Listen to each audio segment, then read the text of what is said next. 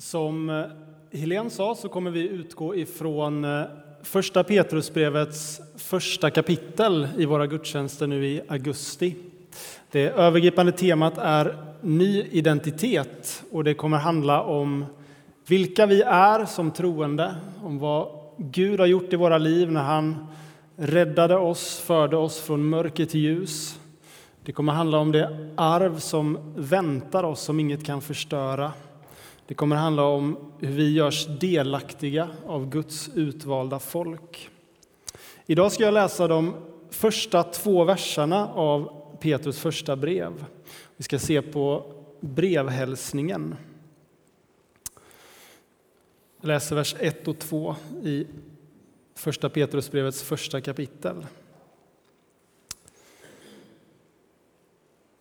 Från Petrus, Jesu Kristi apostel, till de utvalda som lever skingrade som främlingar i Pontus, Galatien, Kappadokien, Asien och Bitynien Utvalda enligt Guds, vår faders plan, helgade av Anden och bestämda till lydnad och rening med Jesu Kristi blod.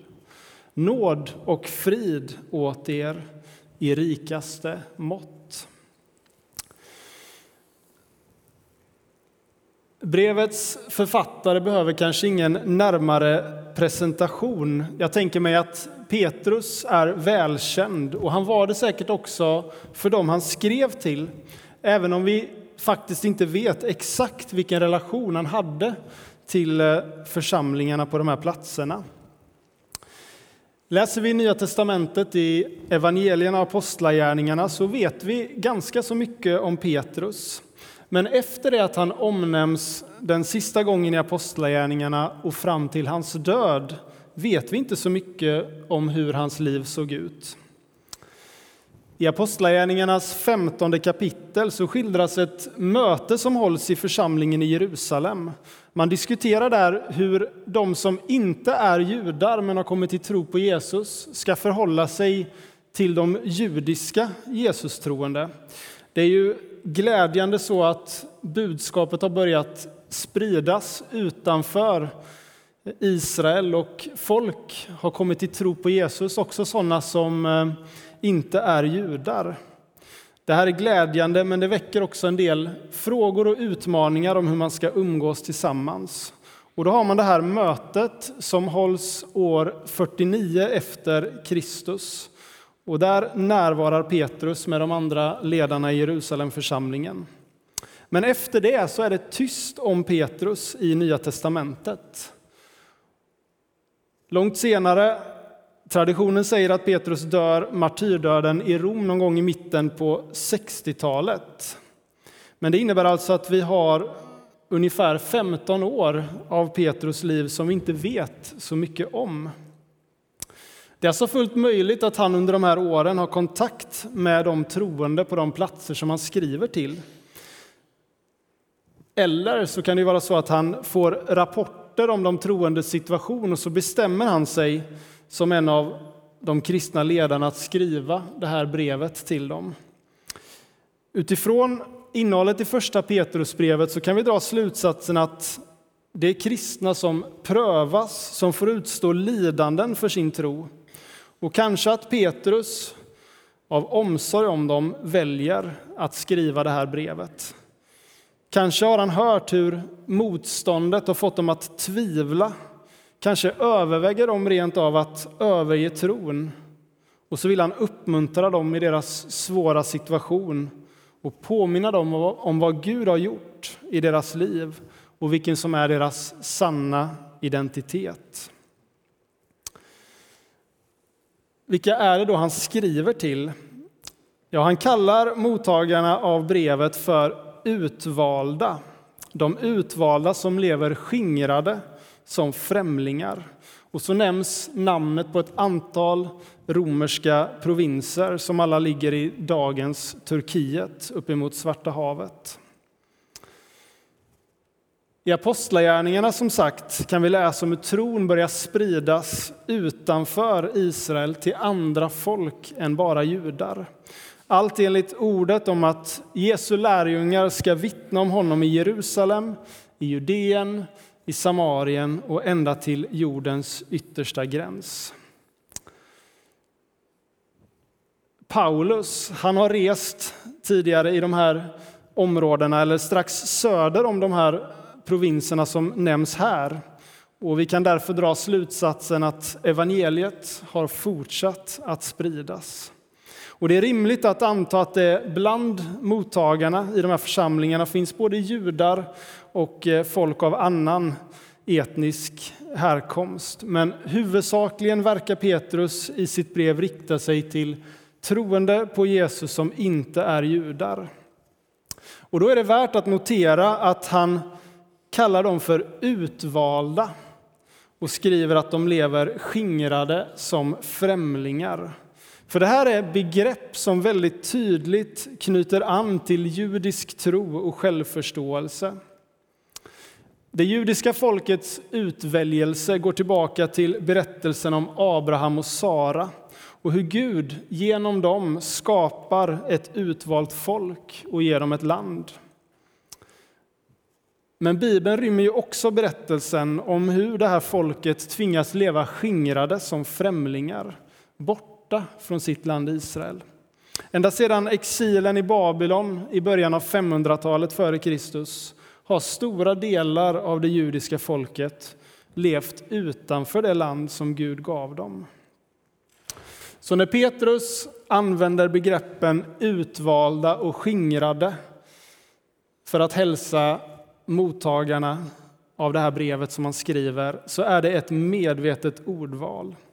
Han vill visa att det de har varit med om när de kommer till tro på Jesus inte är någon tillfällighet utan tvärtom en del i Guds plan för deras liv. Och att de prövningar som de går igenom just nu inte säger allt om vilka de är utan att de väntar något bättre i Guds himmel och att de ska bevaras genom tron fram till den dagen då de får se det. Längre fram i brevet så skriver han så här. Men ni är ett utvalt släkte, kungar och präster, ett heligt folk, Guds eget folk som ska förkunna hans storverk. Han har kallat er från mörkret till sitt underbara ljus. Ni som förut inte var ett folk är nu Guds folk. Ni som förut inte fann barmhärtighet har nu funnit barmhärtighet. Detta är deras nya identitet, vad de har varit med om. Genom tron har de blivit delaktiga i Guds folk och i det som Gud har tänkt ända ifrån början. Så redan i hälsningen i brevet säger alltså Petrus någonting viktigt om de troendes identitet. Teman som han sen utvecklar i sitt brev.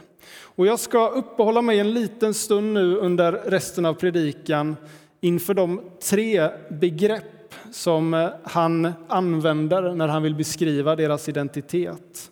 När han säger att de är utvalda, helgade och bestämda. Han skriver ju att de troende är utvalda enligt Faderns plan. De är helgade av Anden och de är bestämda av Jesus till lydnad och rening.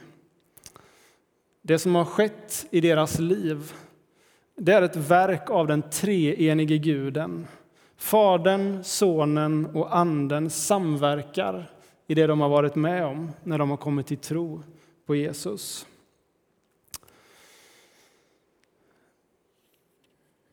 Två gånger i vers 1 och 2 upprepar Petrus att brevets mottagare är utvalda, och detta enligt Faderns plan. Jag ska läsa några verser från Efesiebrevet som sätter det här begreppet utvalda i ett större sammanhang. Några verser från Efesiebrevets första kapitel. Välsignad är vår Herre Jesu Kristi Gud och Fader. Han har välsignat oss med all den andliga välsignelse som genom Kristus finns i himlen. Liksom han före världens skapelse har utvalt oss i honom till att stå heliga och fläckfria inför sig i kärlek. Han har förutbestämt oss till att få söners rätt genom Jesus Kristus och förenas med honom. Det var hans viljas beslut, till pris och ära för den nåd som han har skänkt oss med sin älskade son. Det heter att vi är utvalda före världens skapelse. Det är bibelställen som dessa som gör att man ibland har förstått det som att Gud utväljer vissa människor till att bli frälsta medan andra, som en följd av det, skulle vara utvalda eller med ett annat ord förutbestämda till att gå evigt förlorade. Men hur skulle Gud, som är barmhärtig och kärleksfull, kunna utvälja någon till att inte få del av frälsningen? Jag tror att nyckeln för att förstå detta finns i uttrycket som fanns i den fjärde versen i texten jag läste från Efesierbrevets första kapitel. Uttrycket i honom, utvalda i honom, vilket syftar på Jesus. Före världens skapelse utvalde Gud oss, dig och mig liksom de troende som Petrus skriver till. Gud utvalde oss i Jesus till att få del av den frälsning som finns i tron på honom. Det är Jesus som är den utvalde och vi är utvalda i honom. Försoningen genom Jesu kors den har ingen gräns, utan den omfattar allt, hela skapelsen. Som det heter i Kolosserbrevet. Gud försonade allt med sig genom Jesus. Allt i himlen, allt på jorden. Och om en människa väljer bort Guds gåva är det inte för att hon inte är utvald utan för att hon ännu inte har sagt sitt ja till Guds inbjudan. Så när Petrus kallar de troende för utvalda så visar han att det som hände när de kom till tro på Jesus, det var helt enligt Guds plan som ju innebär att frälsningen ska nå till jordens yttersta gräns.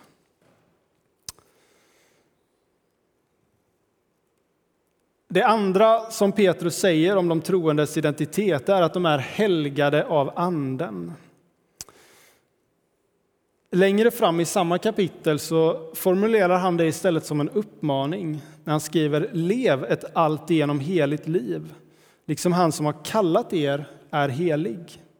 Det står ju skrivet Ni ska vara heliga, ty jag är helig. Det är alltså både något som har skett i deras liv, de är helgade av Anden, och det är också något de uppmanas till. Ni ska vara heliga ty jag är helig. När Jesus i evangelierna kallar människor gör han det ofta med de enkla men samtidigt uppfordrande orden Följ mig. Att komma till tro på Jesus är att bli en lärjunge som följer honom och det omfattar hela livet. Jag följer Jesus på varje område, eller i varje område av mitt liv. Ordet helgad det betyder egentligen avskild. Och Det innebär att jag liksom avskiljer mig, överlåter mitt liv i Guds händer så att jag helt tillhör honom. Men om då måttstocken för att vara helig är det liv som Jesus levde kan vi nog känna oss otillräckliga många gånger. För vem kan egentligen leva upp till ett sådant liv? Då kan det vara befriande att tänka att det inte i första hand är mitt verk utan det är Guds verk i mig. Ni är helgade av Anden, säger Petrus. Det är Anden som verkar hos de troende och som gör dem heliga. Och Det tänker jag handlar framförallt om att göra dem till vad de redan är. För något av det viktigaste som finns att säga om människan är ju orden som står i Bibelns första kapitel, i skapelseberättelsen, när det heter att Gud skapade människan till sin avbild. Du och jag är skapade lika Gud. Och helgelse handlar då om att ta bort det i våra liv som förstör likheten så att avbilden mer och mer får framträda hos oss. Kanske kan det hjälpa oss att sänka axlarna en aning om vi tänker att helgelse inte i första hand handlar om att lägga till en massa saker och prestera mer utan om att skala bort så att jag får fler fria ytor i mitt liv där Gud kan möta och forma mig till att vara lik honom. Slutligen då, för det tredje, så skriver Petrus att de troende är bestämda till lydnad och rening med Jesu Kristi blod. Och återigen ser vi hur detta har sitt ursprung i Gud snarare än hos oss. Detta är vad Gud har bestämt för våra liv och han har befäst det genom Jesu död på korset. Hur ser ett sådant liv ut? Petrus skriver längre fram i samma kapitel. Ni har renat era själar genom att lyda sanningen och kan leva i uppriktig kärlek till era bröder och systrar. Älska då varandra av hela ert hjärta. Lydnad och rening det är inte bara abstrakta begrepp utan det tar sig uttryck i praktisk handling när vi lever som Gud vill. Genom att vi älskar våra medmänniskor med uppriktig kärlek. Jag ska läsa ytterligare en vers ifrån Efesiebrevet. Det andra kapitlet, vers 10. Där är det Paulus som skriver. Han skriver Vi är Guds verk, skapade genom Kristus Jesus till att göra de goda gärningar som Gud från början har bestämt oss till. Det här betyder inte att du är en marionettfigur och att Gud har liksom från början bestämt precis vad du ska göra i varje givet ögonblick så att du inte har någonting att säga till om själv. Nej, det betyder att Gud har skapat dig med ett syfte och att han vill att du ska leva det goda liv som han har tänkt för dig. Ett liv där vi följer honom i vilja och handling så att vi efterliknar Jesus. Det är vad han har bestämt för oss. Där ligger vår djupaste identitet. Det är de vi är. Avslutningsvis Petrus skrev sitt brev till troende som prövades, som fick utstå lidanden för sin tro. Och ändå kunde han säga att de var utvalda enligt Faderns plan. Sanningen om vem jag är och vad som är Guds plan för mitt liv ligger djupare än hur mitt liv ser ut för stunden. Jag kan gå igenom svårigheter och ändå leva i Guds plan för mitt liv. Inte så att Gud har tänkt de svårigheterna, men det kan vara en del i att leva som en Jesu lärjunge. Och om jag ibland tvivlar på vad jag varit med om när jag kommit till tro, eller om prövningar och motgångar gör mig modfälld då får jag påminna mig om att min tro och min identitet har sin grund i det som Gud har bestämt för mitt liv. Att jag är utvald i Jesus Kristus redan före världens skapelse. Gud har skapat oss lika honom, till att leva liv i hans efterföljd. Och det är min sanna identitet, den jag djupast sett är. Och det där är ju sant oavsett hur mina omständigheter ser ut. Och ingenting kan ta det ifrån oss. Så när du säger ditt ja till att tro på Jesus är det ingen tillfällighet, utan det är vad han har tänkt för dig. Du är utvald enligt Faderns plan.